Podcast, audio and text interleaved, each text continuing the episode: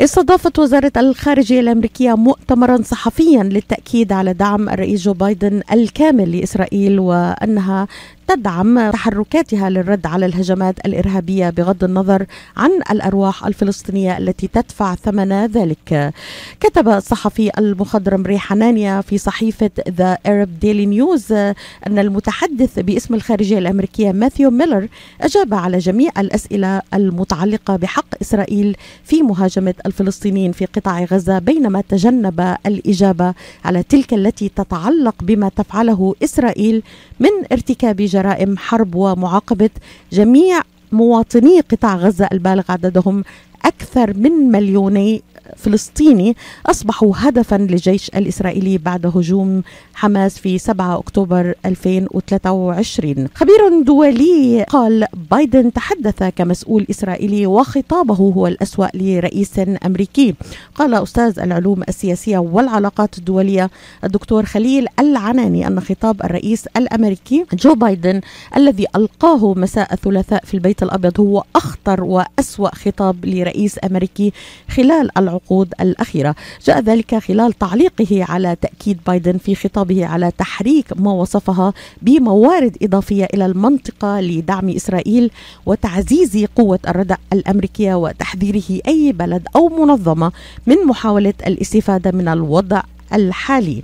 انتقد الخبير في الشؤون الأمريكية بايدن وحديثه عن الهولوكوست وتناوله الصراع الحاصل باعتباره صراعا دينيا وكأن ما يحدث حرب على اليهود وليس على الاحتلال الإسرائيلي معتبرا تجاهله للجرائم ضد الإنسانية التي ترتكبها إسرائيل بحق قطاع غزة دليلا على الإفلاس الأخلاقي. اليوم أيضا البيت الأبيض يتراجع عن تصريح بايدن بشأن قطع رؤوس الأطفال. الأطفال.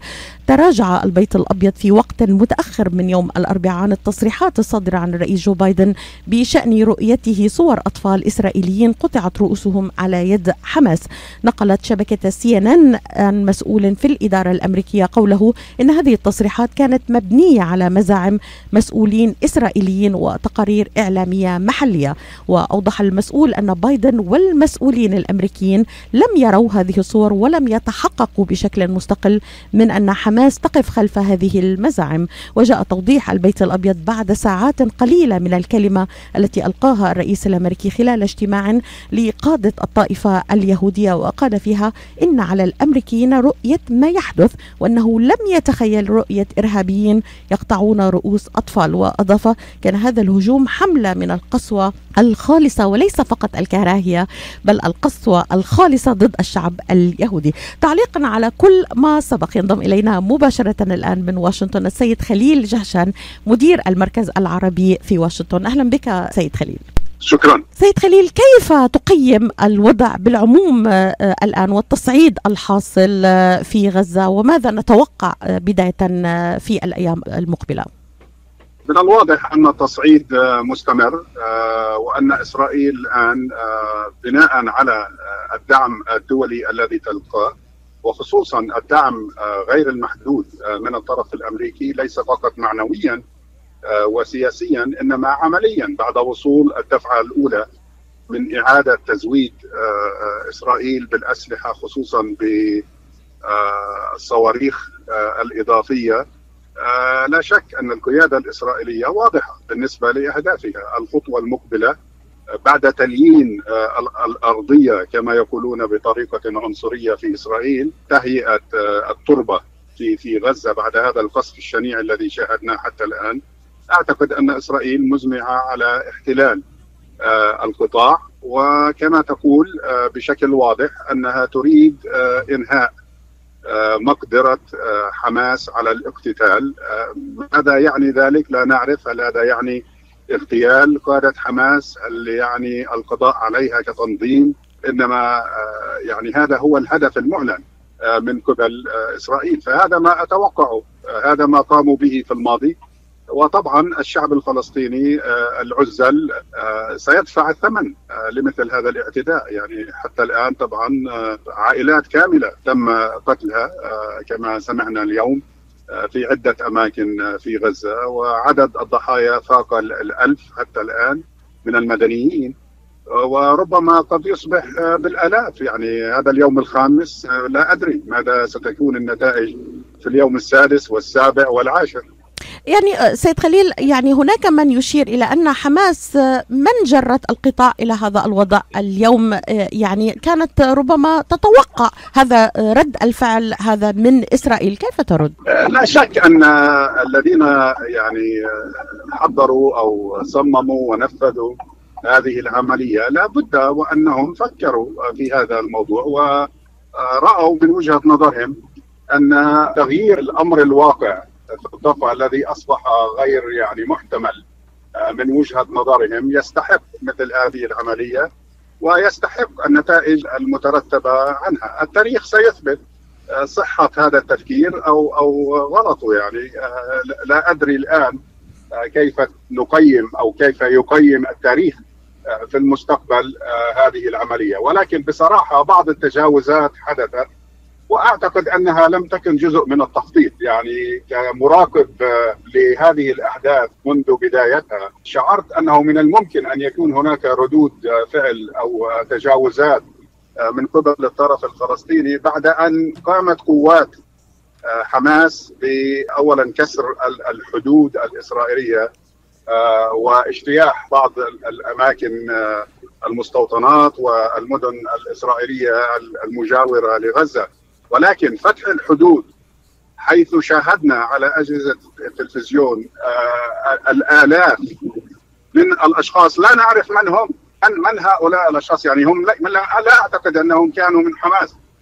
فبالآلاف دخلوا المنطقة. يعني كان هناك نوع أيضا من الفوضى آه بعد المرحلة الأولى الناجحة جدا آه من العملية والتي غيرت تاريخ النزاع العربي الإسرائيلي وأدخلت النزاع في مرحلة جديدة يجب أن نبدأ في تدريسها في المستقبل.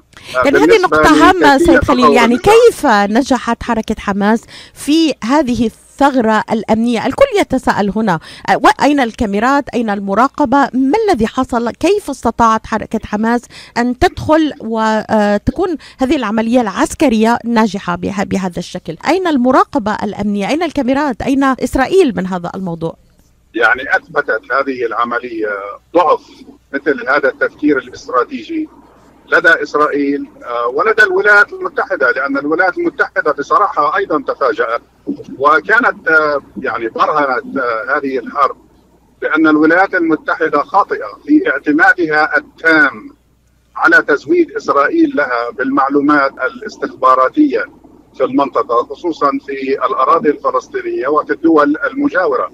الولايات المتحدة تعتمد كليا على إسرائيل ومن هنا أثبت هذا الموضوع أن استنتاج أمريكا أن حماس غير قادرة وغير جاهزة لأن تقوم بأي تهديد لإسرائيل. هذا هو استنتاج المخابرات الإسرائيلية. انتقل أيضا وضلل البنتاغون هنا وضلل البيت الأبيض في واشنطن. ولذلك هذه المفاجأة وهذا الرد العاطفي من قبل البيت الأبيض لأنه لا يريد أن يعترف بالفشل آه، بصراحة ولا يريد أن يعترف بالاعتماد المفرط وغير منطقي لدولة عظمى آه، على إسرائيل آه، بهذا الخصوص. ولكن الأهم من ذلك أن العملية أثبتت ضعف الخطوات الاستراتيجية الأمنية التي اعتمدتها إسرائيل في ما يسمى بتحييد القطاع وحماية حدود إسرائيل، أثبتت أن كل هذه التكنولوجيا المتطورة التي هي تشكل أساس هذا التفكير الاستراتيجي آه، غير فاعلة غير فاعلة في غياب تواجد شخصي. جسدي. آه، يعني المخابرات آه، اليوم تعتمد كثيرا على التكنولوجيا وهذا يثبت خطأ هذا التفكير لأنه في في غياب معلومات تجمعها أجهزة الأمن من أرض المعركة. كل هذه الخطوات التكنولوجية لا تفيد. يعني بطرق بسيطة قامت حماس بمفاجأة أجهزة الدفاع وأنظمة الدفاع الإسرائيلية التي غرت ونفسها يعني خدعت نفسها في اعتمادها على التكنولوجيا وكأن الطرف الفلسطيني غير قادر أن يقوم بأي خطوة. ذكر أحد المسؤولين الأمريكيين المتقاعدين الذي خدم في الماضي كرئيس للجنة المخابرات أو الأمور الاستخباراتية الأمريكية ذكر بأن نظرة التعالي لإسرائيل على الطرف الفلسطيني وقعت فريسة يعني خداع النفس في الواقع خدعت نفسها بسبب بالاساس نظرة التعالي التي تتمتع بها. يعني الكبرياء الإسرائيلي أوقعها في الفخ. يعني اليوم سيد خليل اليوم نعيش واقعا هناك أكثر من 1200 قتيل من الإسرائيليين أكثر من 1200 قتيل من الجانب الفلسطيني وآلاف الجرحى طبعا في ظل وضع كارثي يعيشه قطاع غزة منذ ضرب الحصار الكامل من قبل إسرائيل ومنع أي إمدادات عن القطاع. يعني في ظل كل هذا قبل أن انتقل إلى الموقف الأمريكي الرسمي ودلالته أود أن نتطرق معك سريعا إلى نقطة المشكلة الأساسية التي لا يتحدث عنها الكثيرين. يعني هذا التصعيد من قبل حماس اليوم هل جاء ربما نتيجة للضغط الكبير خلال أشهر وقبل ذلك بكثير ولكن الحكومة الإسرائيلية المتطرفة بكل استفزازاتها بكل ما قامت به مؤخرا هل ربما هذا ما نشهده اليوم هو نتيجة حتمية لكل هذا الضغط الكبير خلال الأشهر الماضية؟ بدون أي شك يعني أنت لمحتي إلى الإجابة الصحيحة لهذا السؤال لا شك أن هذه العملية يعني هي انعكاس لتفكير الفلسطينيين الرازخين تحت الاحتلال وتحت الحصار الوضع الستاتس كو الوضع الحالي لم يعد مقبولا لم يعد محتملا لا انسانيا ولا امنيا ولا اخلاقيا. يعني هذه هذه الحملة هذه العملية هي نتيجة استنتاج الطرف الفلسطيني. وهنا يعني أعني حماس بالذات. أن الأمور قد وصلت إلى طريق مسدود، ليس هناك أي أفق سياسي لا إمكانية الآن لأي جهد في هذا المجال أو في هذا الاتجاه. مفاوضات سلمية. الكلام الذي تحدثت عنه الولايات المتحدة عن حق الفلسطينيين في حياة كريمة وفي نفس القصد من الحقوق مثل الطرف الآخر كل هذا الأمور برهنته الأحداث بأنها بأنه كلام فارغ. يعني بايدن تراجع عن كل هذه الأمور وما زال متشبثا كما اعترف منذ زيارته لفلسطين عندما قال للفلسطينيين في بيت لحم أن الوقت الحالي غير يعني مناسب لأي خطوات سلمية أو أي. فاذا يعني ال ال اليأس الموجود في الطرف الفلسطيني أن كل هذه المحاولات هي محاولات خداع لم تترجم على أرض الواقع إلى أي مكسب. بينما تزداد وتيرة الاحتلال الإسرائيلي وتجاوزاته خصوصا في ظل الأزمة الداخلية في إسرائيل حيث تهرب قيادة أو حكومة إسرائيل إلى قمع الفلسطينيين بالإجابة على الانتقادات الداخلية من قبل نصف سكان إسرائيل الذين لا يوافقون على سياسات هذه الحكومة الداخلية. لا لا دخل لذلك في قضية فلسطين. اذا يعني الوضع في فلسطين أصبح غير محتمل. اضيفي إلى ذلك أهم خطر حاليا هو تصفية القضية الفلسطينية عبر التطبيع مع إسرائيل. لذلك هذه العملية أعتقد أنها كانت إجابة اولا للاحتلال الإسرائيلي، ثانيا للدعم الأمريكي، وثالثا وربما هو العامل الأهم من ناحية التأثير على هذه العملية هو أن الأطراف العربية المتسابقة إلى التطبيع مع إسرائيل تتكلم عن رسم خارطة جديدة للشرق الأوسط دون فلسطين. هذا هو الأمر أعتقد أنه الأهم والمرفوض كليا هل ما يقال عن تهجير الفلسطينيين نحو سيناء والأردن بأمر واقعي كما تراه يعني هل فعلا يتم التحدث به أم أنها شائعات؟ ليست شائعات بالنسبة لأطراف متطرفة داخل الحكومة الإسرائيلية م. يعني هذه المجموعات المتطرفة التي كانت تتكلم بكلام التنظيف العرقي وطرد الفلسطينيين من جديد نكبة ثانية وثالثة. هذه الأطراف الآن لم تعد مهمشة في إسرائيل هي جزء من الحكومة هي الطرف الحاكم. فلذلك عندما نتكلم عن مثل هذه الخطوات آه لابد أن نأخذها مأخذ الجد بناء على كلامهم وليس تحليلنا أو كلامنا. فهذه يعني مشكلة لذلك اضطرت حتى مصر التي لها علاقات آه، أمنية جدية مع الإسرائيليين اضطرت إلى رفض آه، السماح آه، للمدنيين الفلسطينيين كما قال لهم نتنياهو على لسانه قال اهربوا الآن قبل فوات الأوان نعم. اهربوا لوين؟ ما فيش يعني ليس هناك سوى يعني مخرج رفح فالهدف عندما يعني كان الحديث عن 200 إلى 300 ألف فلسطيني يهربون من الاقتتال ومن الموت لسبب أو لآخر يهربون إلى سيناء أو إلى مصر وبعدها توطينهم في سيناء. آه، مصر كانت هذه المرة واعية آه، لهذا الهدف. وتحت الضغوط ربما الداخلية والخارجية اضطرت إلى عدم السماح لهؤلاء اللاجئين آه، بدخول الأراضي المصرية بهذه الأعداد الكبيرة. لأن الموضوع بالأساس أن تهرب من الموت نتيجة القصف الإسرائيلي في نفس الوقت البديل هو أن تصبح لاجئا مدى الحياة إلى الأبد. يعني لقد شاهدنا هذا الفيلم من قبل عام 48 شاهدناه عام 67 هل كتب على الشعب الفلسطيني أن يضطر إلى النزوح مرة أخرى؟ سيد خليل يعني أنتقل معك الآن إلى الموقف الأمريكي آه، الرسمي ويعني آه، ظهر ذلك جليا منذ اللحظات الأولى للهجوم من قبل حركة حماس وما تبعه أيضا من دعم مفتوح لإسرائيل في حقها في الرد والدفاع عن نفسها، رأينا ذلك من خلال خطاب الرئيس جو بايدن الذي وصفه البعض بأنه خطاب استخدم لغة عاطفية مشحونة وكأنه مسؤول إسرائيلي وليس أمريكي. أيضا رأينا ذلك من خلال مخاطبته آه، الطائفة اليهودية وكل تصريحاته. يعني كيف تقيم الموقف الأمريكي تجاه آه، هذا التصعيد الخطير وتبعاته إذا استمر آه، بهذا الشكل؟ يعني رأينا هناك تدخلا يقال أنه تدخل من قبل حزب الله وأيضا رد من الجولان مرتفعات الجولان فيما ينفي آه، ويؤكد البعض آه، هذا التدخل كيف تقيم الموقف الآن؟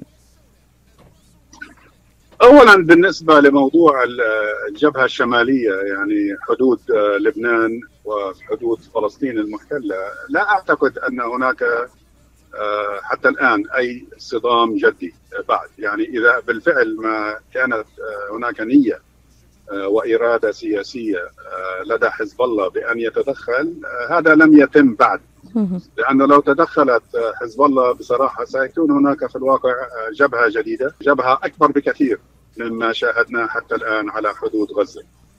لأنه السلاح الموجود لدى حزب الله الخبرة العسكرية الموجودة لدى حزب الله قد تغير المعادلة كليا. فلذلك ما شاهدناه حتى الآن من كما تفضلت في سؤالك من ضربات محدودة جدا هنا وهناك هي ضمن إطار التفاهمات الجارية منذ فترة طويلة بين حزب الله وإسرائيل، يعني ليس هناك أي ضربة خارقة عن العادة قد تؤدي، ولكن التعبئة الموجودة على حدود لبنان خطيرة جدا، يعني عندما يكون هناك مئات آلاف الجنوب الإسرائيليين زائد آه، القلق الموجود لدى الطرف اللبناني خصوصا حزب الله يعني مسألة خطأ واحد آه، عملية من العمليات الصغيرة هذه التي شاهدناها. إذا ما ضربت هدفا بالغلط حتى ولو كان غير مقصود قد تؤدي إلى آه، يعني تأجيج الوضع وتصعيد هذه الحرب. حتى حتى وإن لم تكن هناك نية لا لدى الطرف الإسرائيلي ولا لدى طرف آه، حزب الله آه، بأن يصعد الآن لأنه لا يرى ذلك من من مصلحته حاليا. فبالنسبة للموقف الأمريكي آه، لا شك أن هذا الموقف يعني الذي شاهدناه خلال الأيام الخمسة الماضية يثبت من جديد أن الولايات المتحدة لأسباب سياسية داخلية غير قادرة أن تتصرف كدولة عظمى وتتبنى موقف دعني أقول موضوعي آه، أو عقلاني آه، تجاه أي أزمة فيما يتعلق بإسرائيل. أصبح الموضوع موضوع داخلي أمريكي متعلق بالانتخابات كما شاهدنا من حديث بايدن بالأمس مع التي ذكرتيه قبل قليل حديثه أمام زعماء الجالية اليهودية فلذلك عندما عندما تصبح قضية سياسية خارجيه عندما تصبح قضية مسيسة داخلية يفقد صانع القرار عقلانيته يفقد صانع القرار إمكانية الخروج بسياسة موضوعية مفيدة تخدم مصلحة بلده. فلذلك يعني ما نسمعه من الرئيس بايدن أنا صهيوني ما نسمعه من وزير الخارجية أنا يهودي. طبعا يعني أهلا وسهلا. ليس بخبر جديد نحن نعرف ذلك. ولكن سياسة الولايات المتحدة أهم من ميولك السياسية الشخصية أو أهم من هويتك العرقيه أو الدينية. فيبدو لي أن يعني هذا التراجع في في الموقف الأمريكي وشخصنته بهذا الشكل يفقد كما قلت يفقد أعيدها مرة أخرى الولايات المتحدة ما تبقى لها من مصداقية ولو محدودة جدا. لأنه في الواقع هي فقدت هذه المصداقية منذ زمن طويل. الآن ما تبقى معرض للخطر والزوال. يعني اليوم أنتوني بلينكن في إسرائيل تاكيدا لدعم الولايات المتحدة الأمريكية وتاكيدا لمساندة إسرائيل ولكن هذا التصعيد من يخدم الآن إذا لم نكن عقلانيين كما ذكرت أستاذ خليل؟ لا يخدم مصلحة الأمن والاستقرار في المنطقة وهو جزء لا يتجزأ كما نعرف جميعا من على الأقل المصالح القومية الأمريكية المعلنه، يعني الولايات المتحدة لا تستطيع كما نقول بالإنجليزية to talk from both sides of their mouth. يعني من ناحية تريد الأمن والاستقرار في المنطقة خدمة لمصالحها ومن ناحية أخرى تتخذ مواقف تقود إلى تقويض الأمن والاستقرار في في في المنطقة، فهناك تناقض جوهري في الموقف الأمريكي غير قابل للتفسير. يعني لا أرى في هذا العالم أي دولة عظمى أخرى تتصرف بهذا الشكل وتضر بمصالحها بنفسها. يعني شيء غريب عجيب. وأعتقد أنه يعود بالأساس على الأقل علميا. يعني إذا ما أردنا تفسيره من وجهة نظر علوم سياسية أعتقد أنه يعود إلى تسخير السياسة الخارجية الأمريكية إلى أساس يعني مطالب اللعبة الانتخابية الداخلية. ما الذي غير مقبول. ما الذي نتوقعه إذا خلال الأيام القادمة؟ هل تتجه الأمور إلى التهدئة برأيك؟ هل هناك يعني سيكون ضغط دولي لحل هذه الأزمة وإيقاف نزيف الدم بين الطرفين؟ هذا هذا التفكير الهستيري الذي يسيطر على هذه الأزمة وعلى المواقف الغربية الناجمة عنها لن لن يدوم طويلا. كما قلت لقد شاهدنا هذا الفيلم من قبل مرارا. وفي نهاية المطاف يعني هذا هذه ليست سياسة ناجحة وليست سياسة طويلة الامد إنها مواقف عاطفية. فلذلك قد تضطر هذه الأطراف قريبا بان تعيد النظر. يعني ال في نهاية المطاف عندما يرى هؤلاء الذين يدعون بأنهم يدعمون إسرائيل بأن هذه الأضرار في الواقع مستمرة وأنها يعني حتى حتى ازدياد عدد الضحايا الفلسطينيين يضر أيضا بمواقف أو بصورة إسرائيل في الغرب. يعني الشعب الأمريكي ربما الآن بناء على ما وصفه له بايدن والإدارة الأمريكية من هو المعتدي ومن هو المعتدى عليه وذبح الأطفال وكذا وكذا وكذا.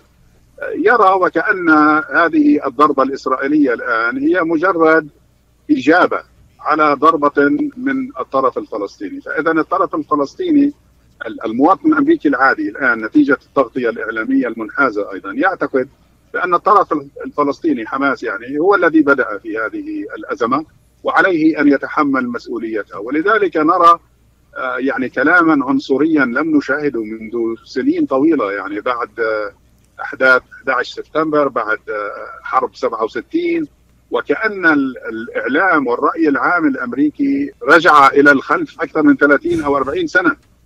شيء يعني غريب بالنسبة للمكاسب بالحديث عن الإعلام الأمريكي وبالحديث عن المواطنين الأمريكيين أريد أن أعلق سريعا يداهمنا الوقت على الأمريكيين العالقين في داخل غزة ومعلومات تشير إلى قتل العديد منهم. أين موقف الولايات المتحدة الأمريكية؟ عندما نشاهد على شاشات التلفاز سي ان ان قناة سي ان ان وغيرها تحاول مساعدة مواطنين أمريكيين أبرياء حوصروا في الداخل ومعرضين للقتل. هناك هل هناك نشهد تقاعس للحكومة الأمريكية في إخراج مواطنيها؟ بعض العائلات يعني تتهم الإدارة الأمريكية بالتقاعس ولكن يبدو لي أن هناك تجاوب أكبر اليوم. يعني في بداية الأزمة اليوم الأول، اولا يجب أن ننتبه بأن قضية الجنسية الأمريكية. هناك عدد هائل في الواقع مئات الآلاف من الإسرائيليين الذين يحملون الجنسية الأمريكية اولا. فهذا اذا يعني ليس مفاجئ بأن يكون هناك عدد من حملة الجنسية الأمريكية الإسرائيليين آه الذين وقعوا ضحيه في في هذه الأزمة. مقتل 22 أمريكي أسر حوالي أو خطف حوالي آه 17 آه أمريكي. يعني هذه الأمور غير مفاجئة ابدا. من ناحية سكانية محضة. ولكن الولايات المتحدة ربما لم يعلن الكثير عن هذا الموضوع ولكن الولايات المتحدة بدأت منذ اليوم الأول في الواقع في التعامل ولا تستطيع أن تعلن ذلك بصراحة لأسباب أمنية في التفاوض حول مصير هؤلاء المختطفين أو الذين لم يعرف مصيرهم حتى الآن. مباشرة وعبر تدخل وضغط على العديد من الدول العربية، يعني هذا الموضوع تم فتحه في الحديث بين بايدن وبين بلينكن والمسؤولين العرب على الأقل العشرة الذين تكلموا معهم منذ بدء الأزمة. فيبدو أن الأكثر جدية هو المطلب شبه الرسمي غير معلن عنه كثيرا ولكن هذا معروف أن الولايات المتحدة طلبت مثلا من قطر بأن تتوسط بسبب علاقتها الجيدة مع حماس بأن تتوسط في إمكانية الإفراج المباشر أولا عن المواطنين الأمريكيين ثانيا عن النساء والأطفال في دقيقة من فضلك أستاذ خليل هل من الممكن أن نشهد تبعات لهذا الموضوع على الانتخابات الأمريكية بالنسبة للديمقراطيين وبالنسبة لإعادة انتخاب الرئيس بايدن؟ أحد الأسباب الذي أدى لبايدن بأن يتكلم بهذه الصورة المنحازة هو الانتقادات الموجهة له بأنه في الواقع يتهاون كثيرا مع الطرف الفلسطيني أن سبب يعني بعض الجمهوريين الآن شوي هناك خجل يعني نعم. ولكن الانتقادات ما زالت موجودة بعض الزعماء في الحزب الجمهوري يتهمون بايدن بأنه هو سبب هذه الأزمة لأنه تهاون كثيرا مع الطرف الفلسطيني وترك الانطباع لدى حماس بأنها تستطيع أن تفعل ذلك. فلذلك هو يحاول أن يسد الطريق أمام مثل هذه الانتقادات التي لا شك في ذهني بأنها ستكون جزء من المعركة الانتخابية الشرسة التي نتوقعها العام القادم. شكرا لك السيد خليل جهشان مدير المركز العربي في واشنطن. كنت معنا مباشرة من واشنطن حول تداعيات الأزمة في غزة وما نتوقعه في المستقبل. شكرا لك. شكرا لك.